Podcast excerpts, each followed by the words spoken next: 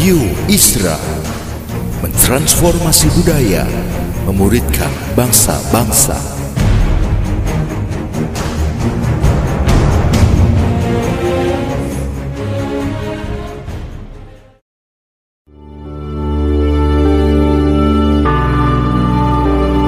Apostolic Prophetic Messages mengungkapkan pesan dan arahan dari hati Tuhan bagi gerejanya demi menuntaskan mandat kerajaan Allah di Indonesia dan bangsa-bangsa.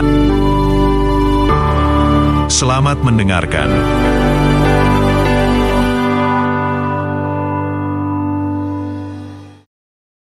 Saya percaya bahwa hari ini adalah hari yang luar biasa. Kita memasuki seri yang baru, yaitu Bounce Back, atau dalam bahasa Indonesia yang keren, memantul, bangkit kembali.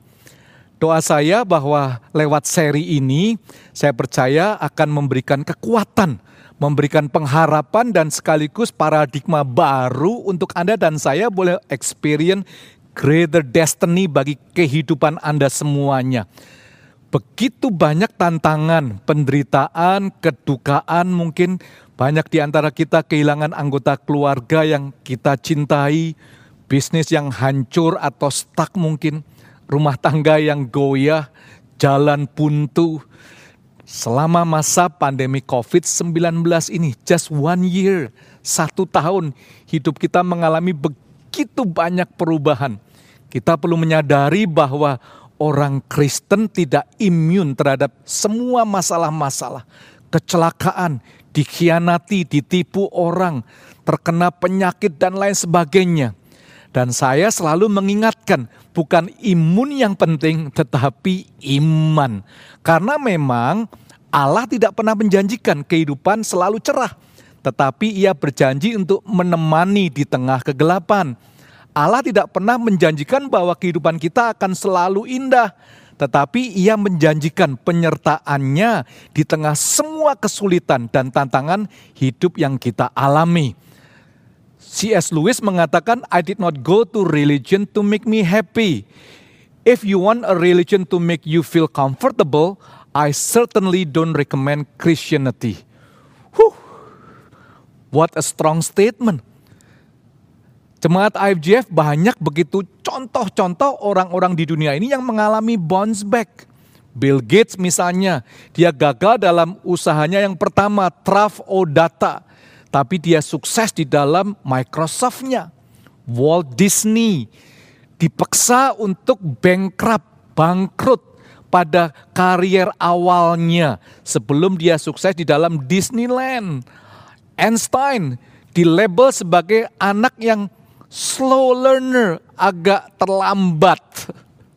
Winston Churchill gagal dalam grade yang keenam. Ingat penyanyi yang terkenal zaman generasi saya Elvis Presley dikatakan aduh Elvis kamu lebih cocok sebagai sopir truk. The Beatles dikatakan forget it, gitar kamu sudah usang. So what is bounce back? Di tengah-tengah masa pandemik ini, di tengah-tengah segala hal yang tidak pasti. It's hard to plan, it's hard to make any decision. Kata bounce back merupakan pewahyuan yang Tuhan mau untuk setiap jemaat IFGF boleh mengalaminya di dalam kehidupan Anda pribadi demi pribadi. Bounce back adalah kata kerja verb to cause, to bound and rebound atau to spring back in a lively manner bisa bangkit kembali dengan cara yang hidup. To bounce means the ability to fight through an issue. Punya kemampuan untuk melawan suatu masalah. Bisa menjadi tangguh. To be resilient. Mampu untuk menstabilkan setelah mengalami banyak kesulitan. To recover atau pemulihan. To thrive, berkembang itu adalah definisi bounce back pada umumnya. Tapi kita perlu menyadari bahwa Alkitab sebenarnya memberikan begitu banyak contoh-contoh kehidupan bagaimana anak-anak Tuhan bisa bounce back. Satu ayat yang menjadi favorit saya adalah Amsal 24 ayat 16. Misalnya dikatakan, tujuh kali orang benar jatuh, dia akan bangkit lagi. tetapi orang fasik tersandung dalam kejahatan. Bagi saya pribadi, ini definisi saya ya, bounce back adalah kemampuan untuk memiliki keteguhan, untuk percaya pada Tuhan dalam segala penderitaan, dalam segala keadaan yang sulit. Saya ulangi ya, bounce back menurut saya adalah kemampuan untuk memiliki keteguhan untuk selalu percaya pada Tuhan dalam segala penderitaan maupun keadaan yang sulit. Saya sangat kagum sekali bagaimana Rasul Petrus ini mengajak umat Tuhan untuk bangkit kembali, untuk bounce back, untuk mantul. Dalam 1 Petrus pasal 4 ayat 12 ayat sampai ayat yang ke-13. Ini dari terjemahan The Message ya guys. Teman-teman, ketika hidup menjadi sulit, Jangan buru-buru menyimpulkan bahwa Allah tidak bekerja. Sebaliknya, bersukacitalah bahwa kamu mengalami apa yang Kristus alami. Ini adalah proses pemurnian rohani. Sebentar lagi kemuliaannya akan dinyatakan. Friends, when life gets really difficult, Don't jump to the conclusion that God is not on the job. Instead, be glad that you are in the very thick of what Christ experienced. This is a spiritual refining process with glory just around the corner. Petrus mengatakan jangan heran kalau nyala api siksaan yang datang kepadamu sebagai ujian seolah-olah ada sesuatu yang luar biasa terjadi atas kamu. Sebaliknya, sukacitalah, bersukacitalah. Sesuai dengan bagian yang kamu dapat dalam penderitaan Kristus. Supaya kamu juga boleh bergembira dan bersukacita pada waktu ia menyatakan kemuliaannya. Petrus seorang yang tidak sekedar berbicara, dia mengalami kehidupan yang naik turun. Dia pernah menyangkal Kristus, masih ingat ceritanya. But the experience bounce back. Maka itu dia menulis lewat satu Petrus, dua Petrus. Life that full of suffering and yet bisa bersuka cita, bisa berbahagia. Jemaat IFGF, Rasul Petrus mengajak kita semua untuk memiliki spirit of bounce back in the midst of many trials. Untuk Anda dan saya memiliki kemampuan untuk memiliki keteguhan, untuk selalu percaya Tuhan dalam segala penderitaan, dalam keadaan yang sulit. Kita melihat dalam satu Petrus pasal yang ketiga, ayat 13. Siapakah yang akan berbuat jahat terhadap kamu jika kamu rajin berbuat baik? Tetapi sekalipun kamu harus menderita juga karena kebenaran, kamu akan berbahagia. Sebab itu janganlah kamu takuti apa yang mereka takuti dan janganlah gentar. Tetapi kuduskanlah Kristus di dalam hatimu sebagai Tuhan. Dan siap sedialah pada segala waktu untuk memberi pertanggungan jawab kepada tiap-tiap orang yang meminta pertanggungan jawab dari kamu tentang pengharapan yang ada padamu. Tetapi haruslah dengan lemah lembut dan hormat. Dengan hati nurani yang murni, supaya mereka yang memfitnah kamu karena hidupmu yang saleh dalam Kristus menjadi malu karena fitnahan mereka itu. Ayat 17. Sebab lebih baik menderita karena berbuat baik jika hal itu dikendaki Allah daripada menderita karena berbuat jahat. Ayat 18, Rasul Paulus langsung memberikan contoh. The great example, the greatest example Christ himself. Sebab juga Kristus telah mati sekali untuk segala dosa kita. Ia yang benar untuk orang-orang yang tidak benar. Supaya ia membawa kita kepada Allah ia yang telah dibunuh dalam keadaannya sebagai manusia, tetapi yang telah dibangkitkan menurut roh. Hari ini kita telusuri bersama-sama. Kalau kita lihat dalam ayat 13 dan ayat 14, siapa yang akan berbuat jahat ketika Anda dan saya rajin berbuat baik? Kita pikir orang akan membalas kebaikan bila kita berbuat baik. But life, tapi kenyataannya tidak demikian. Paling tidak itulah yang dialami oleh Petrus dan orang-orang percaya pada saat itu. Sebagai kaum minoritas di antara bangsa yang tidak mengenal Allah dan orang Yahudi yang memusuhi mereka, Petrus dan umat Tuhan saat itu bertindak sangat hati-hati karena mereka menjadi contoh atau teladan hidup tentang Injil. Mereka berbuat baik, menjaga sikap, tidak sembarangan bicara, berkorban bagi tetangga, tapi toh masih kena masalah juga. Bukankah demikian juga yang terjadi pada kita?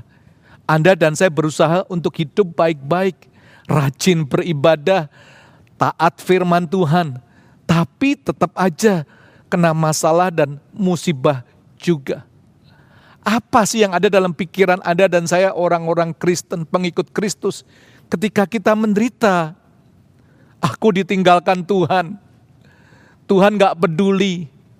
Tuhan gak bisa menolong. Apakah Tuhan benar ada? Think about it. Bila pemikiran kita seperti ini, gak heran sih banyak orang Kristen pengikut Kristus meninggalkan Tuhan di saat tragedi melanda mereka. Karena ternyata kepercayaan mereka tidak membuat keadaannya menjadi lebih baik. Hari ini saya ingin ajak untuk kita mempunyai dasar. Supaya Anda dan saya bisa bounce back. Ayat 14, Petrus mengingatkan kita, sekalipun kamu harus menderita juga karena kebenaran, kamu akan berbahagia. Sebab itu janganlah kamu takuti apa yang mereka takuti dan janganlah gentar. So what is the foundations untuk Anda bisa bounce back? Dasarnya apa?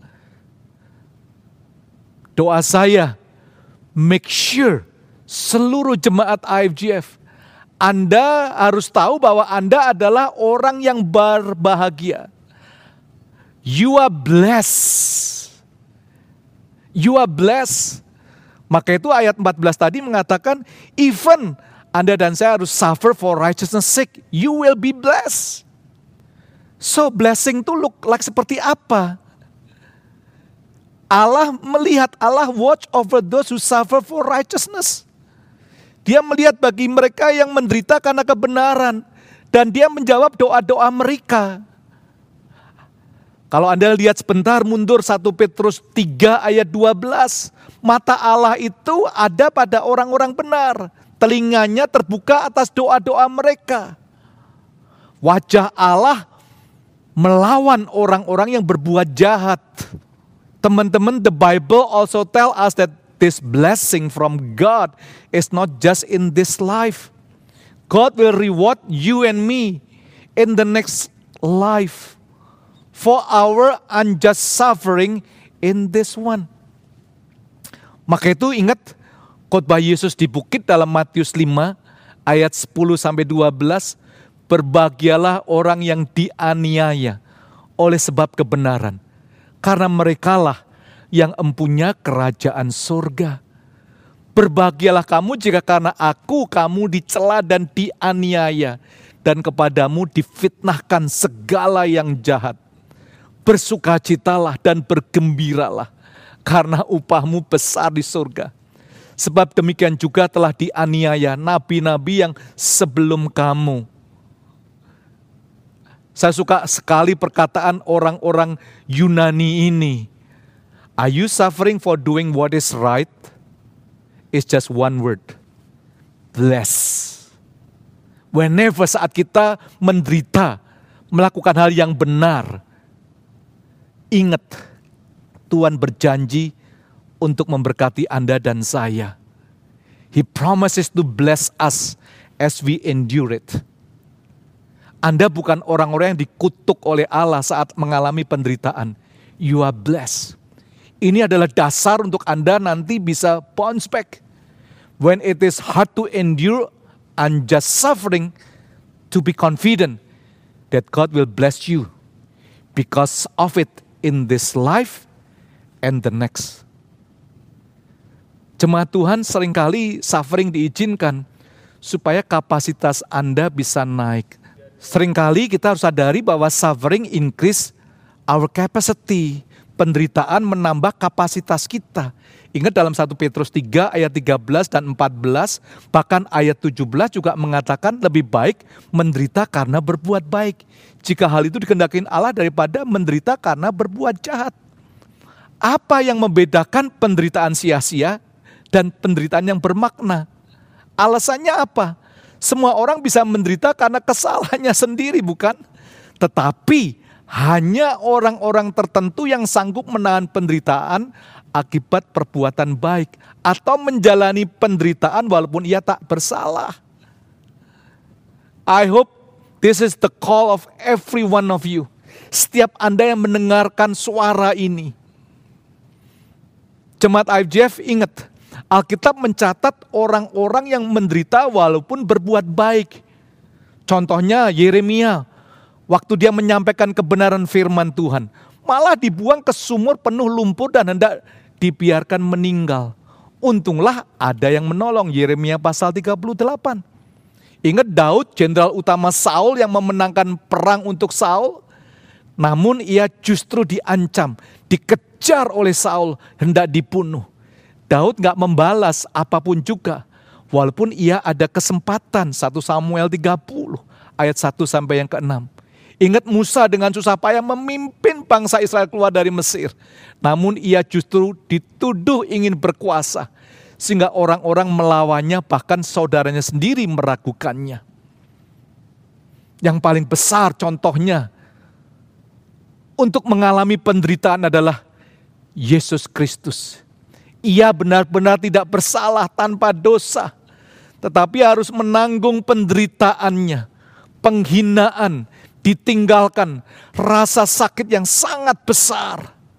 Ketika kita menderita karena berbuat baik, ingat kapasitas kita akan meningkat. Kalau kita selidiki sebagian besar Mazmur ditulis dalam keadaan mereka sedang terjepit. Sebagian besar kitab di perjanjian baru ditulis dari penjara. Sebagian besar pemikiran akbar dari pemikir-pemikir yang luar biasa lahir karena mereka melalui api. Corrie ten Boom melakukan camp konsentrasi. Mother Teresa melalui kemiskinan yang sangat besar. Nelson Mandela melalui penjara. Ketika Allah hendak memakai seseorang dengan luar biasa, ia menampa mereka melalui api penderitaan bounce back. Kenali bahwa Anda adalah orang yang berbahagia.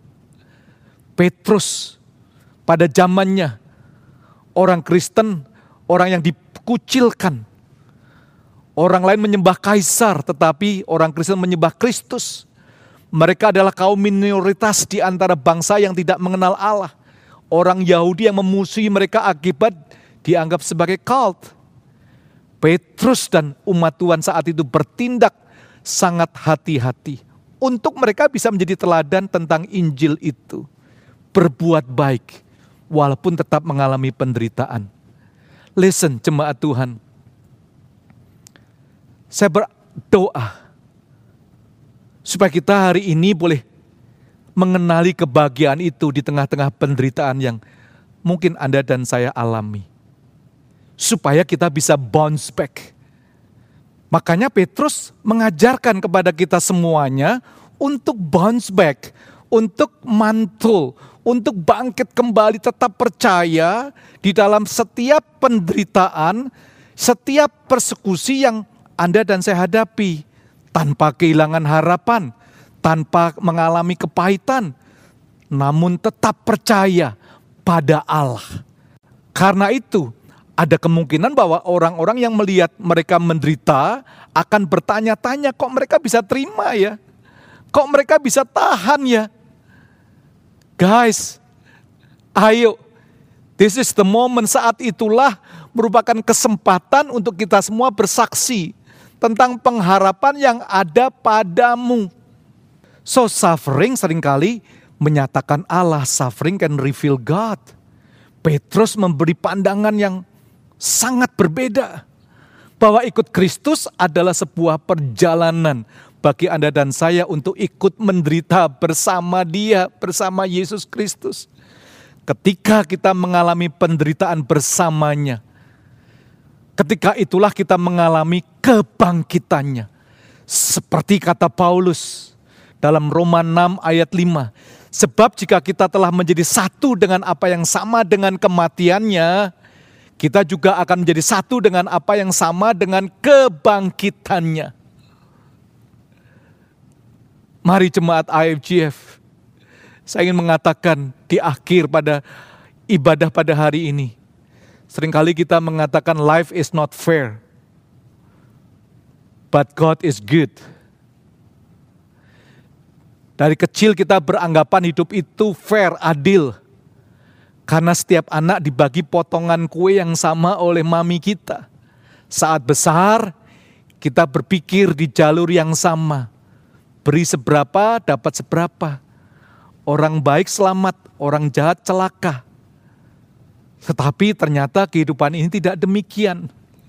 Kita kerja keras, jujur, kadang hasilnya tidak seberapa. Orang yang jahat justru banyak hartanya, sehat badannya, setiap hari bisa berpesta. Kita hidup baik-baik, malah menderita. Kita tidak melakukan dosa, tetapi tragedi menimpa. Lalu kita berteriak di mana Tuhan? Kenapa ia diam saja? Bagaimana sih Anda dan saya bisa bounce back saat berbuat baik namun dijahati? menderita karena kebenaran. Inilah yang terjadi bila kita hidup dengan asumsi yang salah bahwa life is fair. Sejak kapan sih life is fair? Kehidupan di dunia tidak akan pernah fair selama manusia ada di dalamnya. Dosa telah mengacaukan ciptaan Tuhan yang sempurna pada awalnya. Dan keegoisan manusia menciptakan kehidupan yang unfair. Satu-satunya harapan adalah mengetahui semua ini akan ditimbang dengan tepat. Saat kita menghadapnya suatu saat nanti, mengharapkan fairness dalam hidup hanya menyiksa kita saja. Tugas kita hanya memegang teguh dan melakukan perintahnya.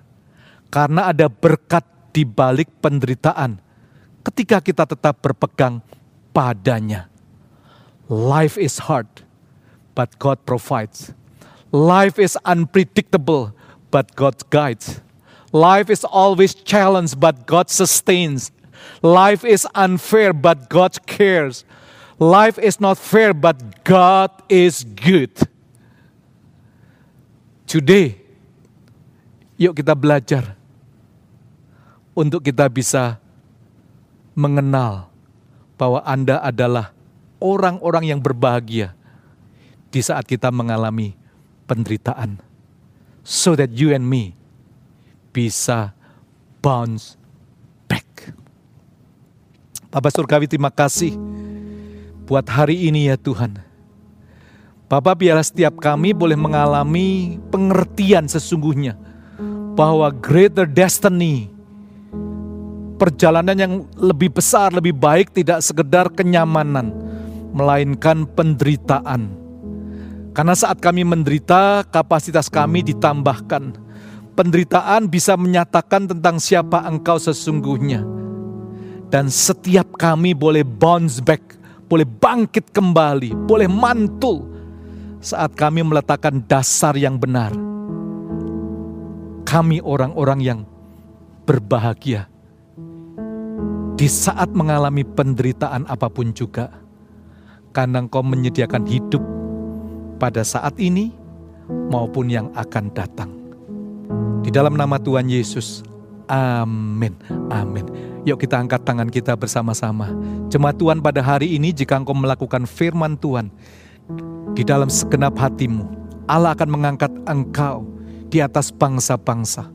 Allah akan membuat lumbung-lumbungmu berlimpah-limpah. Sehingga engkau tidak meminta pinjaman, melainkan memberikan pinjaman. Allah membuat Anda terus naik, tidak turun. Hidupmu dipenuhi dengan iman, pengharapan, dan kasih. Sehingga apa pun yang kau lakukan di dalam nama Tuhan Yesus Kristus, dia akan membuat engkau berhasil. Hari ini sampai Maranatha. Semua yang percaya katakan, Amin, amin. God bless you church.